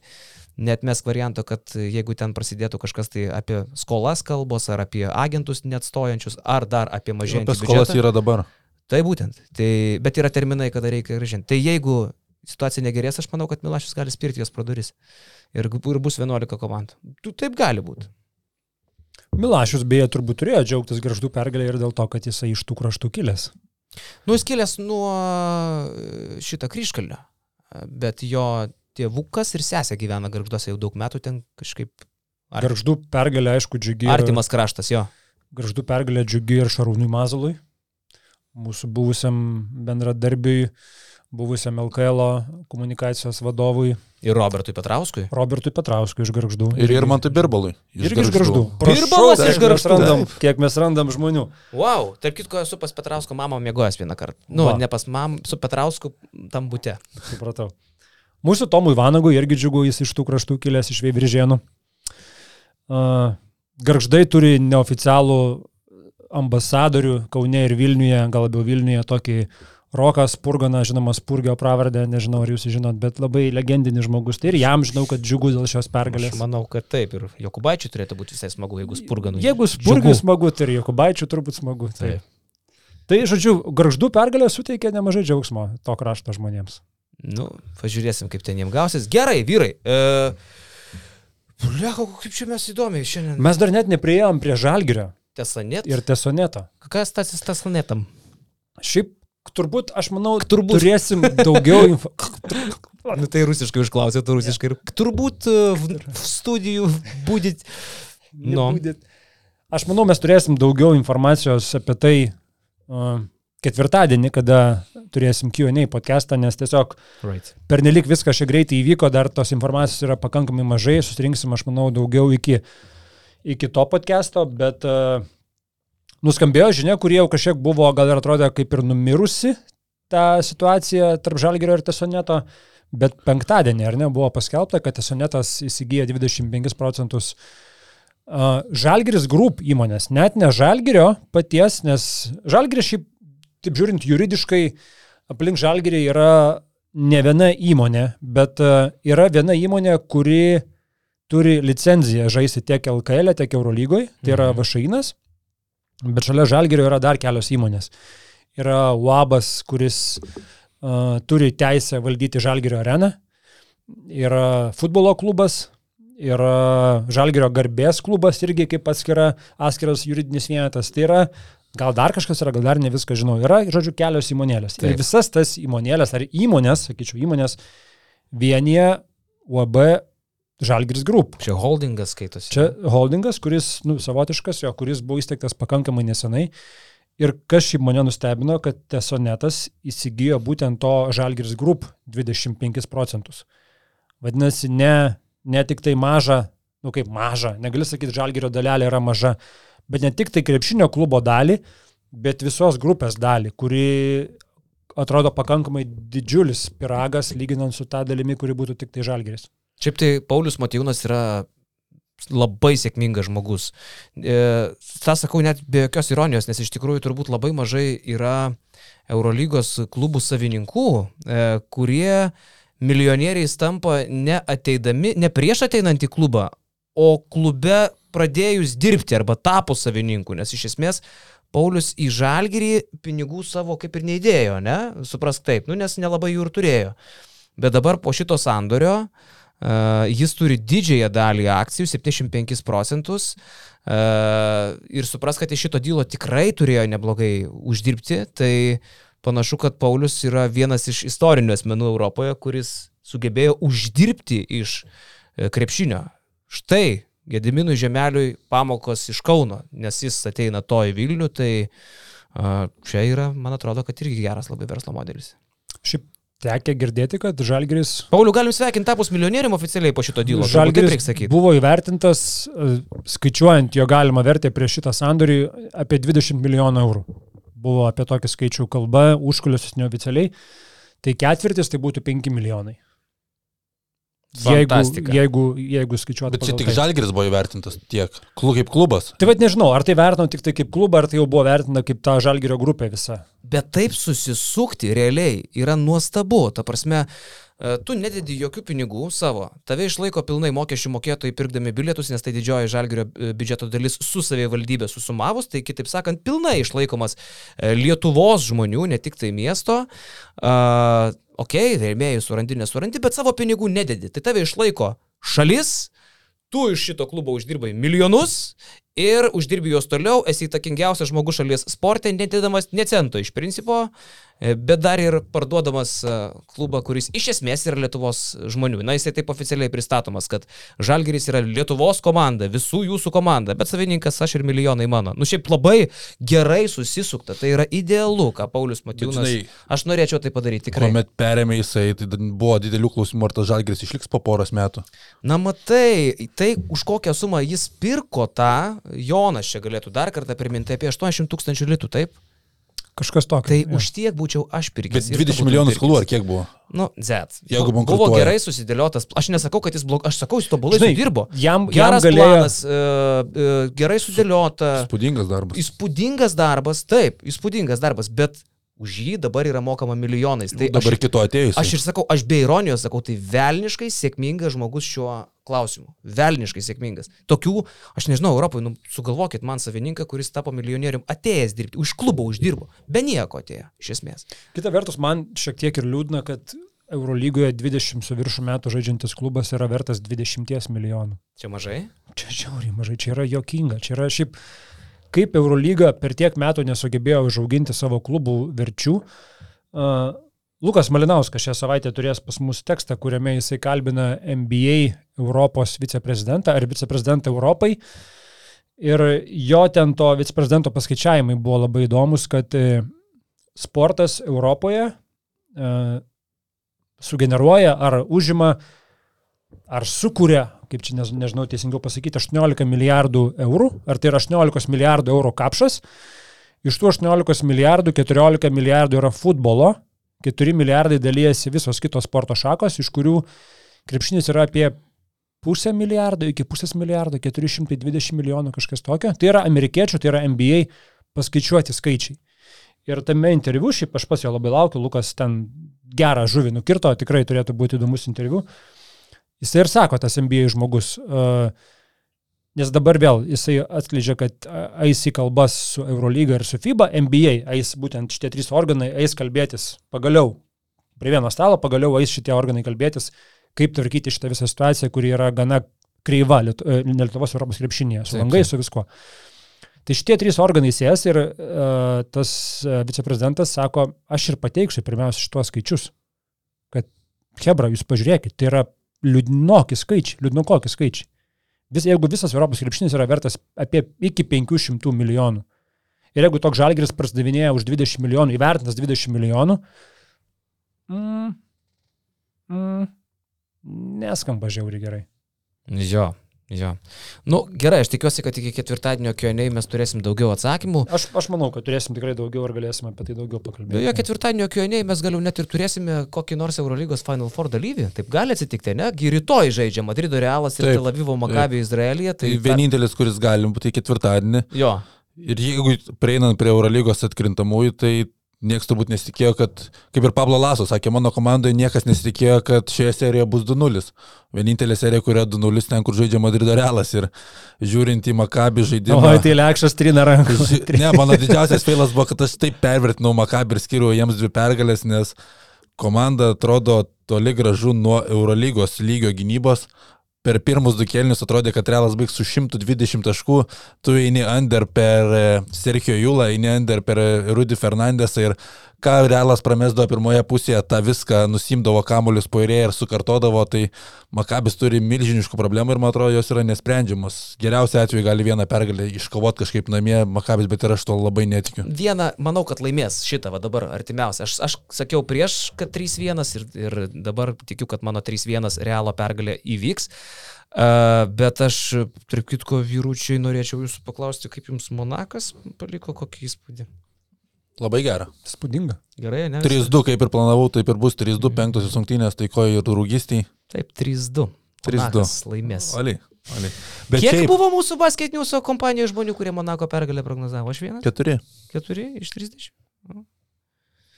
Tai bet jie tik laimėjo vieną Jie, jie mačą. dar nelaimėjo Jie serijos, Karol. Jie dar, jie dar nelaimėjo. Bet jau visiškai rimčiau žiūrint į mano prognozę, ne?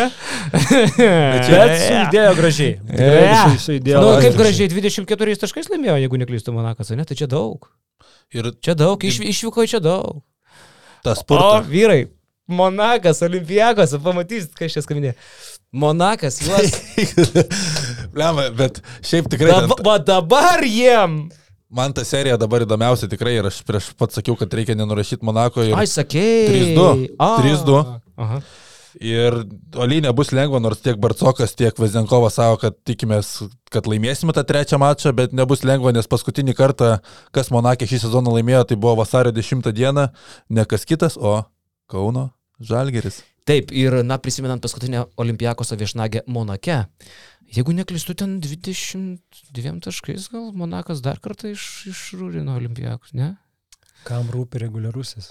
Pažiūrim playoffus. Playoffuose Ne, šiaip, okei. Okay, Šiaip įspūdingos rungtynės, ne, negali sakyti, taip, negali sakyti, iš tikrųjų, jeigu lysti detalės, a, galite pažiūrėti labai puikų Augusto Šuliausko video, kuris šiandieną išleidom kaip tik baskaitinius angliškame kanale YouTube, a, kur išnagrinėta, kaip Monakas baudė Olimpijakosą antrose rungtynėse.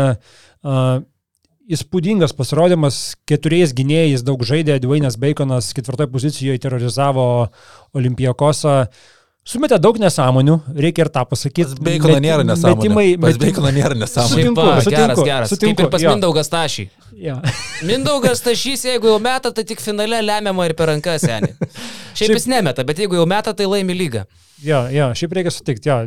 Tai yra Bacono metimai, tai yra jam normalus metimai, bet kuriam kitam tai būtų nesąmonės, jam Man tai yra normalus. Metimai. Baconas primena Vilą Klaiburną pirmam sezonė Stambulo Darušafaką, kai jisai susipažinėjo, kas yra tas Eurolygos krepšinis. Baconas irgi atrodė pradžiui patekęs, neaišku, kur patekęs gauna kamolį, visi jau net Maikas Džeimsas eina į gynybą gintis, nežino, kad gal to perdavimo nebus, bet toks, koks polimo potencialas pas jį yra, tai numatos, kad tai MBA aplinkos žaidėjas ir įdomu, koks, kokios jo yra pačio ambicijos, ar likti Europoje, ar grįžti MBA, nes man atrodo, kad tai galėtų tapti Eurolygos žvaigždė po poros metų.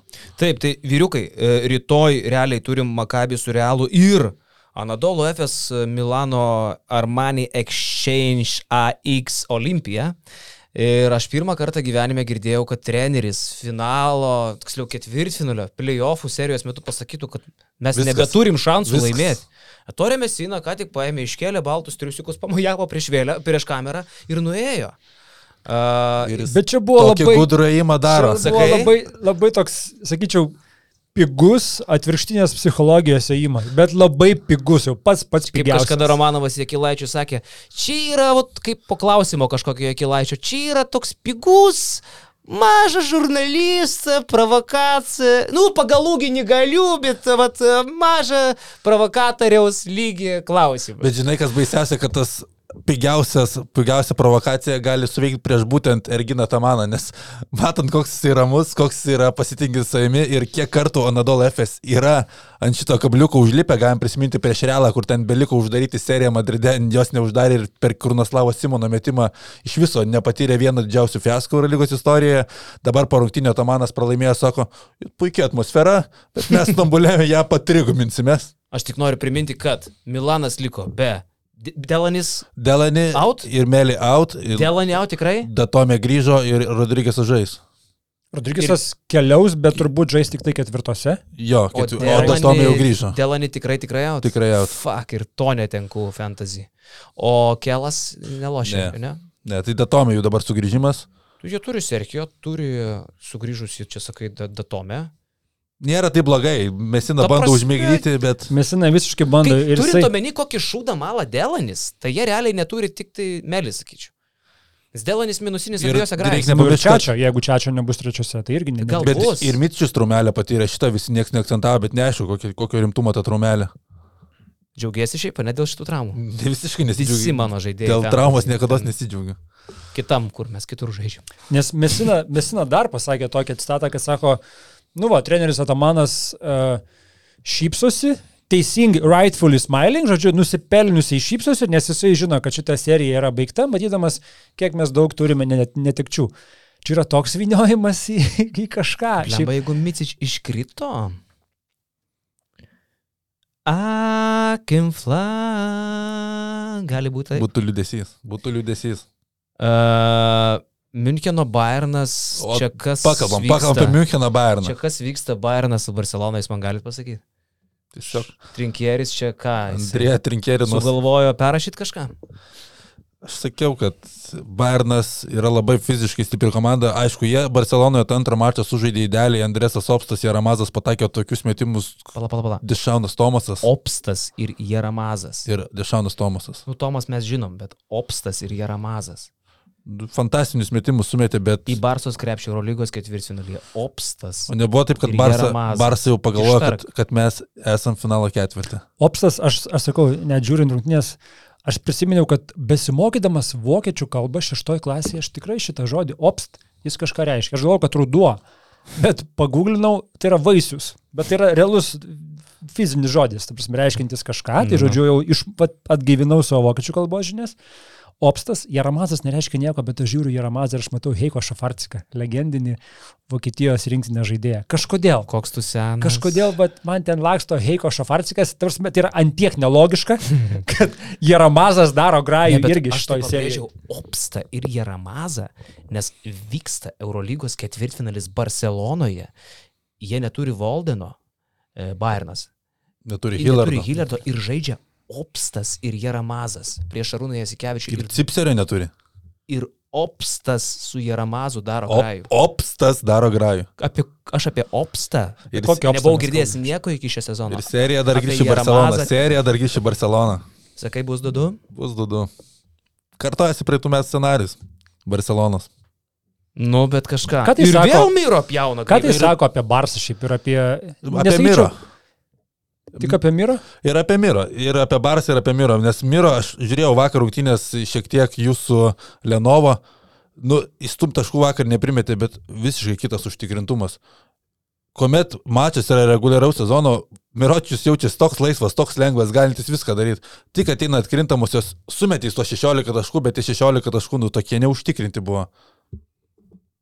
Labai, labai klaidelės keistas. Nu gerai, bus įdomu, tai e, rytoj turim Makabi Realas, Anadolu Armanis, poryt turim Monako Oli ir Bayernas su Opstu bei Ramazu prieš Barceloną. E, nu ir ketvirtadienį turėsim Kioniai podcastą, tai kas dar nesat mūsų patronai, būtinai jais tapkite, nors jau realiai e, tuoj pat ir Tuoj nebe patronais reikės būti. Savo sistemoje, kur Tai- galima tą patį matyti. Kioniai e, laukia ketvirtadienį, e, taip pat šią savaitę dar bus e, šiaip video turinuko, dėsim e, ir apie legendas vėl video, e, tai likite įsijungę, o šiaip tai mes e, pastaruoju metu tą retai priminam, bet reikėtų priminti, mūsų YouTube kanalas auga, bet e, galėtų aukti čiūčiut greičiau ir jūs prie to galite prisidėti. Tai prenumeruokit Basket News LT YouTube kanalą, paspauskit, pas, paspauskit galų galę subscribe mygtuką vieną kartą. Šiaip labai smagus paskutinis pokalbis prie aikštelę su apsaugininku vadu. Patiko? Keli tokie faktukai, kurie visai nustebino. A, Gal vieną galiu atskleisti, net tiem, kas dar nematė, bet gal tai bus postumis Čia paklausyti. pokalbis, įsijunkite. Tai, kad Nauris ar Normans, taip ir neaišku, kuris ten iš jų pokštelėjo Rūdžiui, pasirodo, kad jis bandė su galva pokštelt Rūdį Fernandesui, ne su kumščiu. O Aš tai šitą žinojau, iš tikrųjų. Žinau, aš tai Jo. ne. Kaip tai galėjo atrodyti? Metro 50 žmogus bandantis trinktelti dvi metriniam krepšiniui. Ne kartą su tai daręs. Viskas čia, žinok, įzy yra, paaiškinsi palaidos aš tau. Ne. Tai va, na ir tiek galbūt šiandien. tai bandė iš galvos, o pataikė iš kumščio. Ir, ne, ir pataikė net ne į galvą, į ausinės kažkaip ten. Bet iš kumščio. Lėtina ten buvo. ten. Ir paskui dar bairis, kad jie bandė kelis kartus patekti į areną, e, pasislėpę ten po kapišonais ar po kepuraitėm kažkaip. Braliukai. Braliukai. Žinai, jeigu eini per, per apsaugą su tais savo nikščiais atlenktai, žinai. Mylu Lietuvą, Oslavai mylu Lietuvą. Normunds, ateik čia. wow, wow. Gerai, viskas. Nu kažkaip gal dar kažką norėtų. Dar dvi valandas sėdim jau. Beveik. Padainuojam gal kažką pabaigai. Tai tu dainuotojas. Avai, užteks. Varom. Jo. Ai, LKL šiandien. jo, gerai. Juvė su neviešiu žiesi. Mm, ne. Ačiū.